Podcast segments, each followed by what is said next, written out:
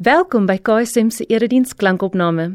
Nadat jy hierdie boodskap geluister het, sal ons dit regtig waardeer as jy die boodskap rate of in Afrikaans gestel beoordeel en deel met ander. Jou terugvoer help ander om saam met ons die Jesuslewe te ontdek, omdat Jesus alles verander. Hier is vandag se boodskap. Here, eh, met ons lippe en ons harte loof ons U. Sê ons vir U, U is die Here U is 'n goeie God.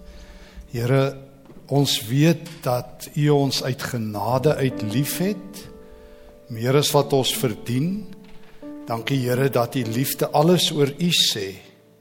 Dat dit vertel dat toe ons nie soekbaar en vindbaar en liefhebbaar was nie, het U dit gedoen. U het ons gesoek, gevind omdat U ons liefhet. Dankie vir hierdie goeie nuus, Here gee dat die woord ook vanaand goeie nuus sal wees. Ons vra dit in Jesus se naam. Amen. Dit is die ehm um, beroemde prediker uh um, uh, D.L. Moody wat ehm um, met al sy bekende evangelisasiedienste die wêreld vir die Here verander het. Maar hy vertel eers die verhaal wat diep met my geresoneer het wat my aan die een kant ook diep bekommerd gemaak het oor oor die lewe en oor myself. Hy vertel op 'n dag toe hy 'n vriend van hom begrawe het, het hy hierdie woorde gebruik en ek haal hom so letterlik aan soos hy dit beskryf het. Hy sê he died, dis sy vriend, and we buried him in a Christless grave. Hy dood gegaan en ek het hom in 'n Christuslose graf begrawe. Moody vertel dat hy terwyl hy op sy evangelisasie reise deur die wêreld gegaan het, gereeld met hierdie man kontak gemaak het, jare lank. Met hom oor Christus gesels het en elke keer het die man vir hom gesê ek sal later in die Here glo. En so het later 'n sterfbed geword en Moody vertel dat hy toe hy by die man se sterfbed gestaan het, hy het hom gehaas na hierdie na hierdie vriend se sterfbed toe. En toe het hierdie man vir hom die volgende woorde gesê: "It's too late, Mr Moody." Moody het vir hom gebid. En nadat hy vir hom gebid het, was hierdie woorde: "My heart is as cold as the grave." En so is hy dood. Dit herinner my aan 'n legende wat ek gehoor het iewers van die skorpioen wat by die water aangekom het en hy wou oor die rivier gaan. En daar was 'n uh, padda wat langs die rivier gesit het en hy het hom gevra of hy hom deur die stroom sal neem. En die padda het gesê mens kan nie 'n skorpioen vertrou nie. Hulle gaan vir jou piets eers, maar toe dink hy by homself Dit sal hom dwaas wees as hy hier in die stroom terwyl ons deurswem. As hy dit aan my doen en hy toe van sê klim op my rug en so halfpad binne in die stroom. Toe is dit so dat die skorpioen doen wat hy doen en hy het hom met die angel gesteek en hulle terwyl hulle so sink. Toe vra die padda vir die skorpioen, "Hoekom het jy dit gedoen? Ons albei gaan nou doodgaan." Toe sê hy, "Dit is my natuur. Dit is my natuur." En dit herinner my sommer op pad na die eerste teks wat ek wil lees wat ek um, in 2 Kronieke 36 raak lees. Die laaste klompie konings van Juda. Ek lees van van koning Jojakim. Hy is so koning in die tyd van die profeet Jeremia. Ek lees hoe hy gevang word en hoe hy geboei word en weggevat word na Babel toe. En Ek hoor dat hy gedoen het vir 11 jaar lank wat verkeerd is in die oë van die Here sy God. 2 Koning 2 Kronieke 36 vers 5. Hy word opgevolg deur Jojagin. En dan lees ek in 2 Kronieke 36 Jojagin was 18 jaar toe hy koning geword het en hy 3 maande en 10 dae in Jerusalem geregeer. Hy het gedoen wat verkeerd is in die oë van die Here. Nou hoor ek van die laaste koning wat Israel überhaupt ooit gehad het, Sedekia. In 2 Kronieke 36 vers 11.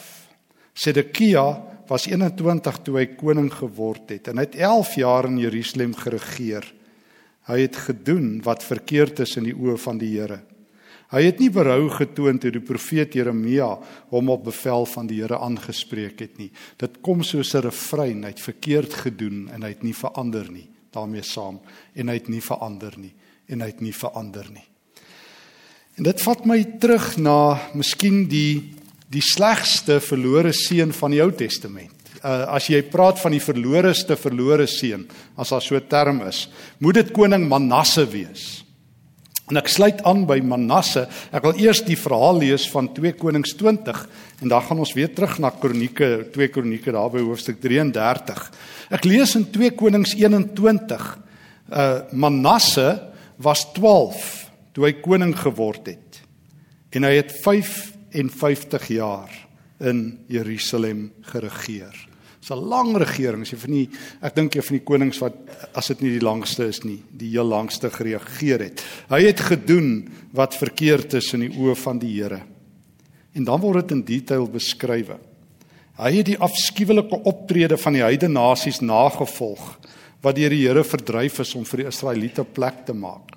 Hy het die hoogtes wat deur Hiskia sy pa verwoes is weer opgebou Hy het altare vir Baal. Nou Baal was die Kanaanitiese god van die donderweer uh, opgerig. 'n Ashera beeld gemaak. Ashera was 'n vroulike godin van die Kanaaniete. Hy het uh, 'n uh, beeld gemaak van haar soos koning Agab van Israel gedoen het. En hy het al die hemelliggame aanbid en gedien. En hierdie nou raak dit nog erger. Hy het selfs afgodsaltare gebou in die huis van die Here, die plek waarvan die Here gesê het in Jerusalem wil ek my naam vestig. In die twee voorhoewe van die huis van die Here het hy altare vir al die hemelliggame gebou. Hy het sy eie seun as 'n offer verbrand. Nou net so by Jerusalem aan die buitekant is die Hinnomdal en die god Molech is daar aanbid. En een van die maniere hoe jy die god Molech aanbid het, jy offer mense vir hom. En hierdie koning, ehm um, Manasse, het sy eie seun vir die god Molech daar geoffer. Hy het hom besig gehou met golery, waarsêry en toordery en hy het meegedoen aan die oproep en raadpleging van geeste. Hy het baie verkeerde dinge gedoen in die oë van die Here en hom uitgetart. Die Ashera beeld wat hy laat maak het, het hy opgestel binne in die tempel. Die plek waarvan die Here vir Dawid en sy seun Salomo gesê het, in hierdie tempel en in Jerusalem wat ek onder al die um, Israelitiese stamme uitgekies het, vestig ek my naam vir altyd. En ek lees uiteindelik vers 16 ook hier in 2 um, ehm, Konings 21 behalwe die sonde wat Manasse Juda laat Juda laat doen het wat verkeerd was in die oë van die Here het hy ook nog baie onskuldige mense laat doodmaak. Jerusalem was van hoek tot kant vol bloed. Die ander verhale wat hy gedoen het, die sonde wat hy gedoen het, is opgeteken in die annale van die konings van Juda. Manasse is oorlede en hy's begrawe. Die vraag, kan mense verander? Dis die vraag wat my vandag besig hou. Kan mense verander? Dit lyk nie baie keer so nie. Ek is seker dit hang af wie hierdie vraag vra, kan mense verander? Ek is seker as jy vir iemand vra wat lewenslank in 'n huwelik is wat deur 'n huweliksmaat mishandel word en uitgebuit word dat 'n persoon vir jou sê mense verander nie. Ek is seker as jy met iemand te doen het wat 'n lewenslange verslawing het en familie het alles probeer dwelms of alkohol of ander verslawings dat hulle vir jou sal sê hy het elke keer beloof hy sal verander, hy verander nie. Ek het al baie mense hoor sê My pa was by die kerk, hierdie vroeë man, maar jy moes hom in die huis gesien het, hy was 'n monster. Hy het vertel hy dien die Here, maar dit was 'n ander man wat ons geken het. So die vraag vir ander mense of is dit ons natuur om soos die skerpioen die angel daar in die middel van die water uithaal? Um Manasse 55 jaar goddeloos Hy is so sleg, soos een van my waarstiepelle altyd gesê het, hy is die badste bad. Jy kan nie slegter as Manasse hê nie. Ek meen om in God se tempel afgoderry te bedryf, om sy eie kinders te verbrand. Maar maar ek wil 'n tweede deel vat. Ek wil uh, begin met 'n tweede legende. Ons het begin met die legende van die skorpioen. Dit word vertel van ehm um, 'n Indiese man wat op 'n dag daar by die Ganges rivier, die bekende rivier van die daar in Indië, by die rivier gesit het en gekyk het hoe iemand ehm um, daar met die in die water 'n skorpioen op 'n blaar tel en hom uiteindelik van die blaar aftel volgens hierdie verhaaltjie. En toe hy aan die skorpioen vat, toe die skorpioen hom gebyt en die skorpioen het hom gesteek en die skorpioen het weer teruggeval in die water en die man het weer 'n keer sy hand uitgesteek en die skorpioen opgetel en dieselfde het gebeur. Hy het hom gesteek en die skorpioen het weer ingeval en dit het 'n derde keer gebeur en die ou wat dit gekyk het het van hom gesê as jy laf, dit is die aard van die skorpioen om jou elke keer te steek. Toe sê hy, maar dis my aard om elke keer te red. Kan mense verander? Ons lees 'n tweede weergawe van koning Manasse se storie. Ek nooi jou na die kronieke weergawe. Ek het nou-nou uit 2 Kronieke 36 gelees. Ek wil jou graag na 2 Kronieke 33 toe neem waar die verhaal want dis hierdie twee boeke van die Bybel wat die verhale van die konings vertel. En ehm um, konings het gesê hierdie ou was die verlore seun van die Ou Testament. Jy kan aan hom niks doen nie.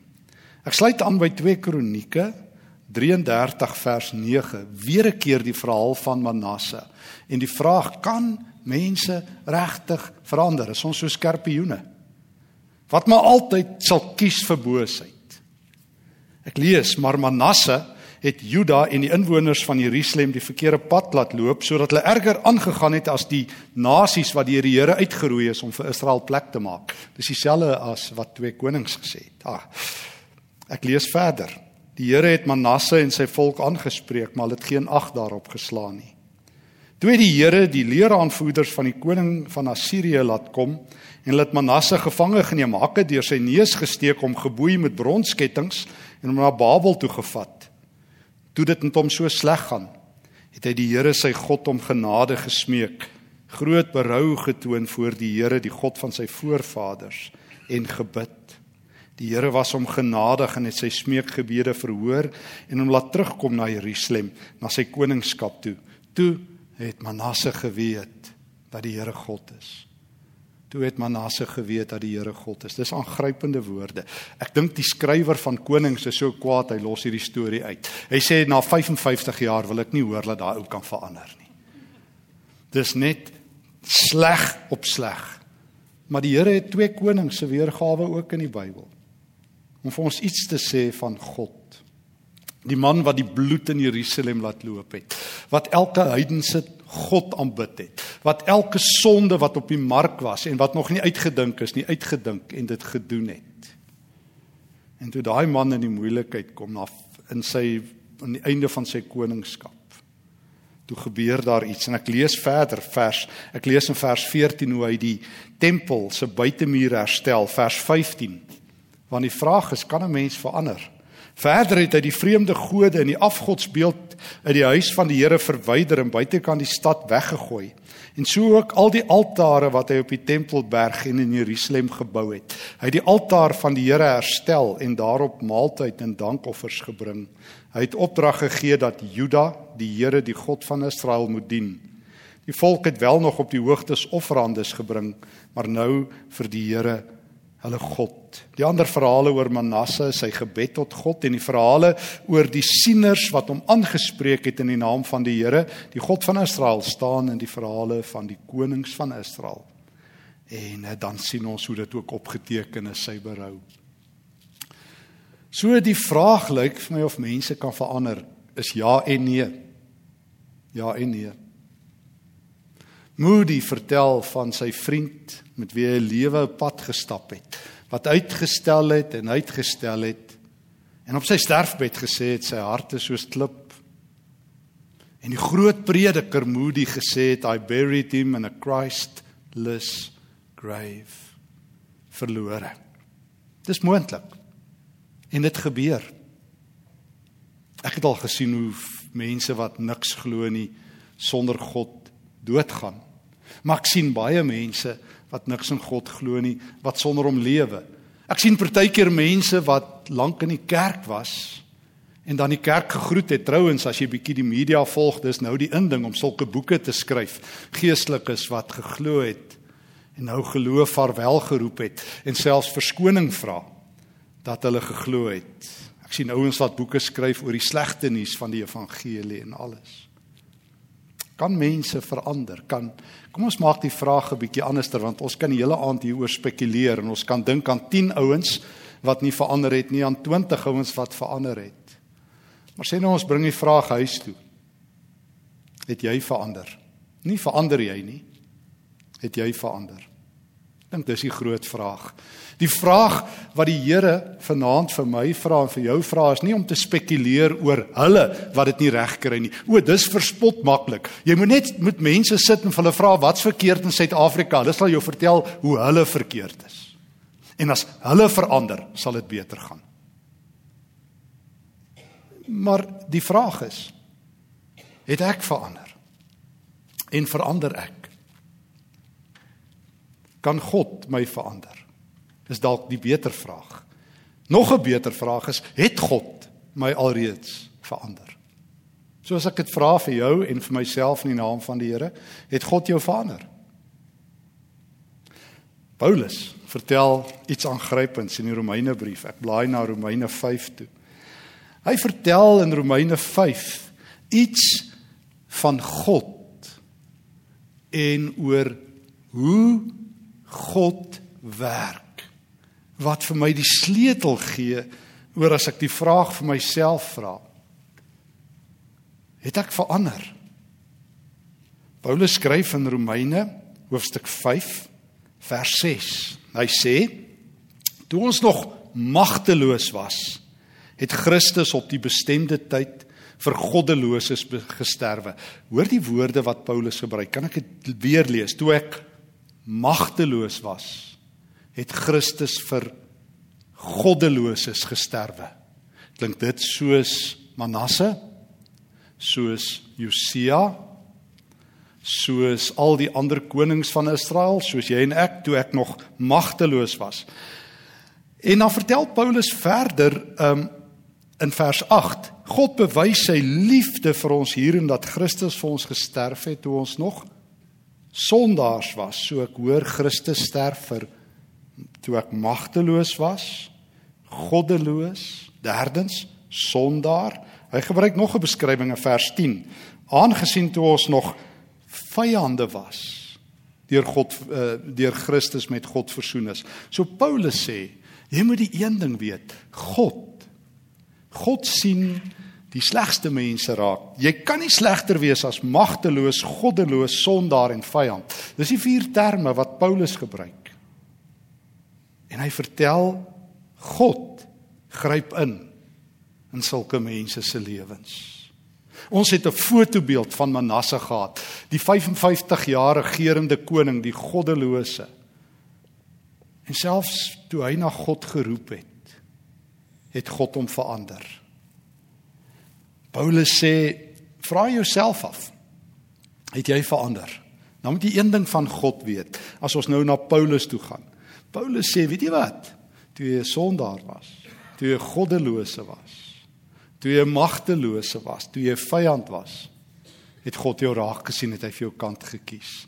En as God dit doen vir sy vyande, Nou en dis presies Paulus se punt vers 9. Hoeveel te meer? Hy hy roep dit 'n paar keer uit. Hoeveel te meer sal God nie vir jou goed wees nie? Sal hy nie vir jou lief wees nie? Sal hy nie in jou lewe besig wees nie? Sal hy jou in vanaand se taal nie verander nie?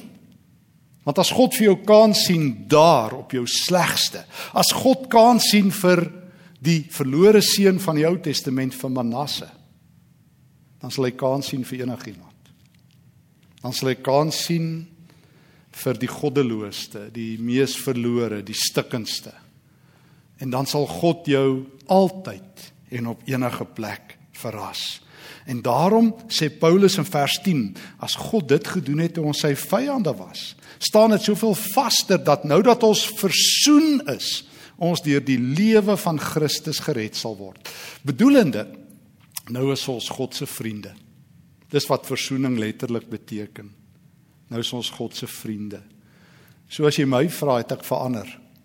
Ja, ek het 'n vriend van God geword.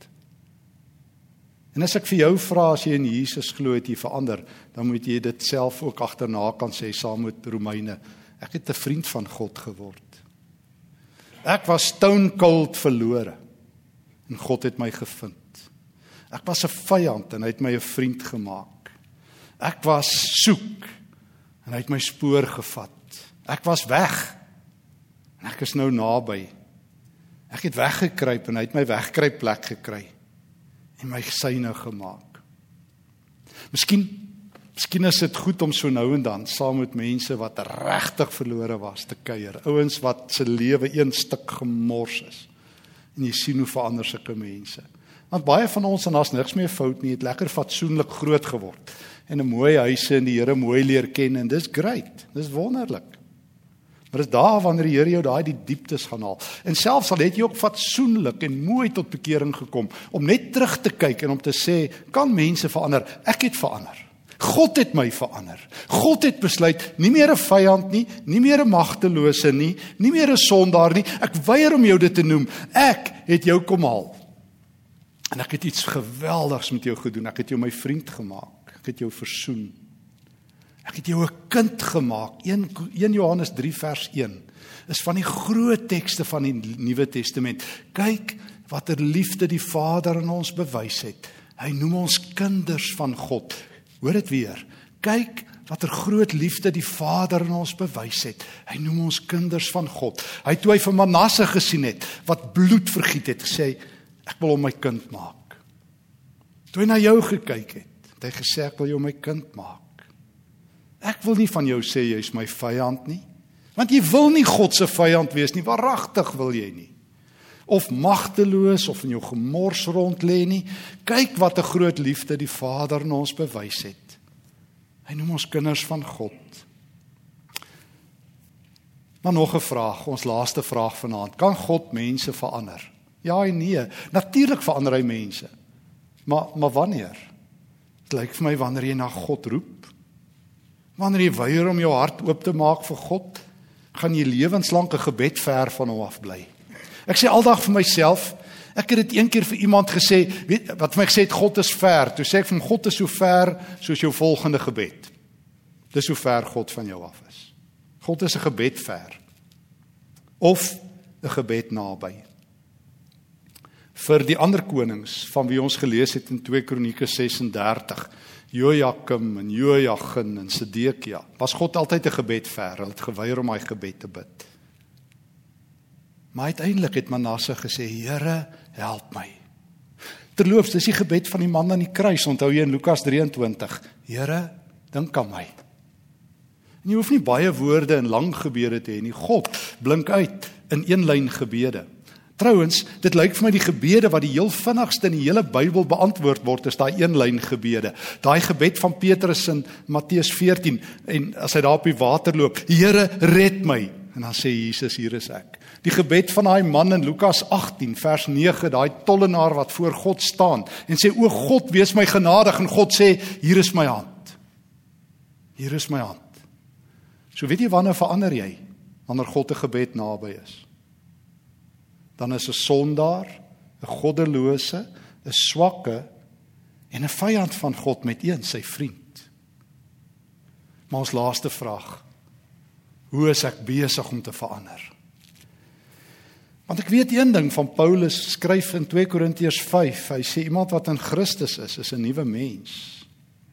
So as God my nuut maak, dan moet ek 2 Korintiërs 3 vers 18 in my lewe inbou.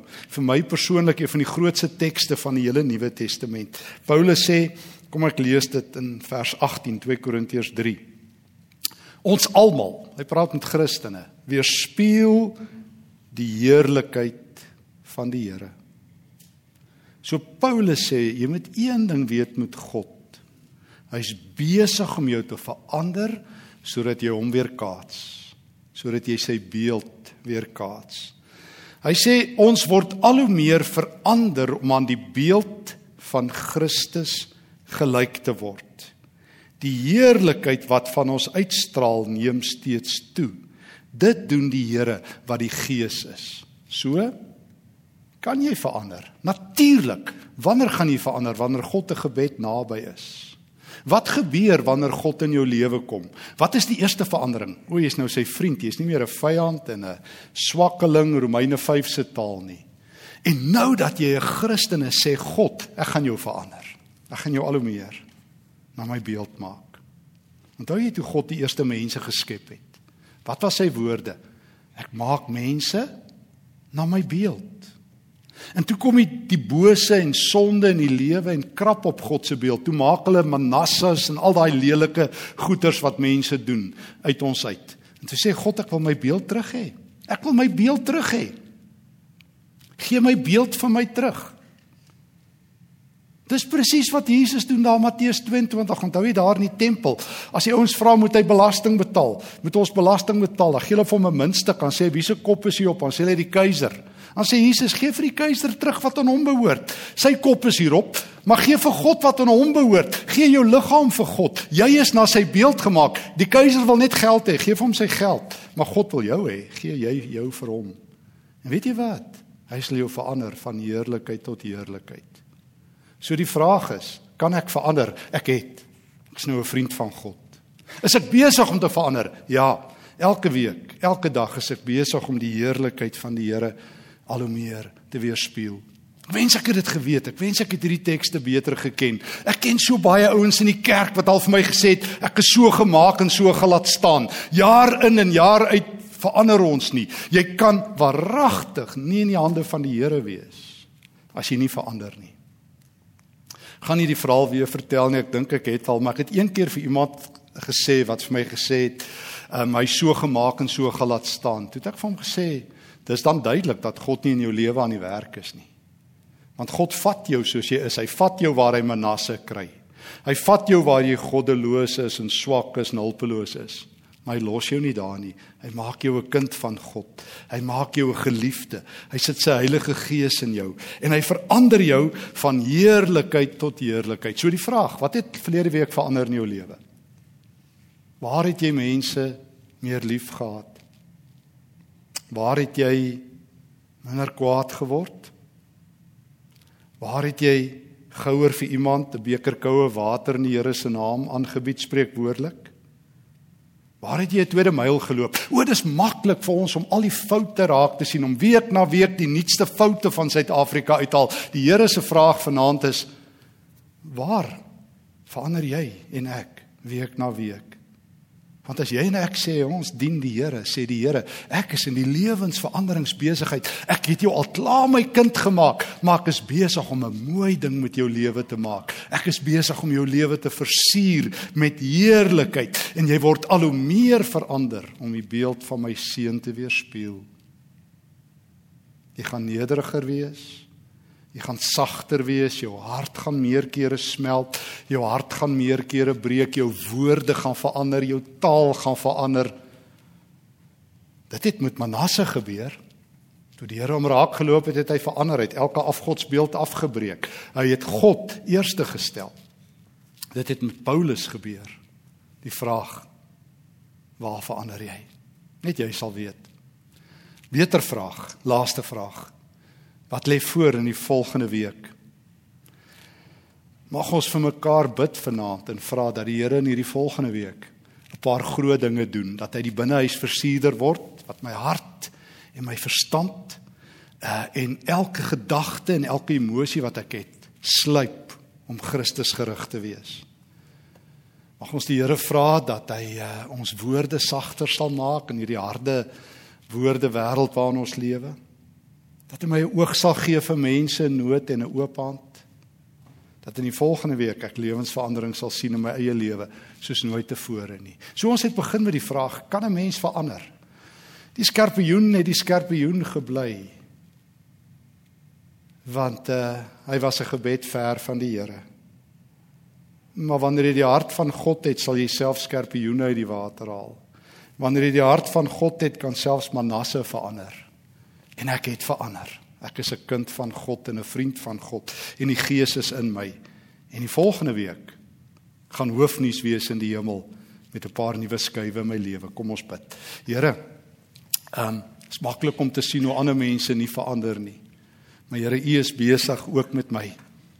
En ek meld aan dat U deur die Heilige Gees opnuut my vorm na U beeld.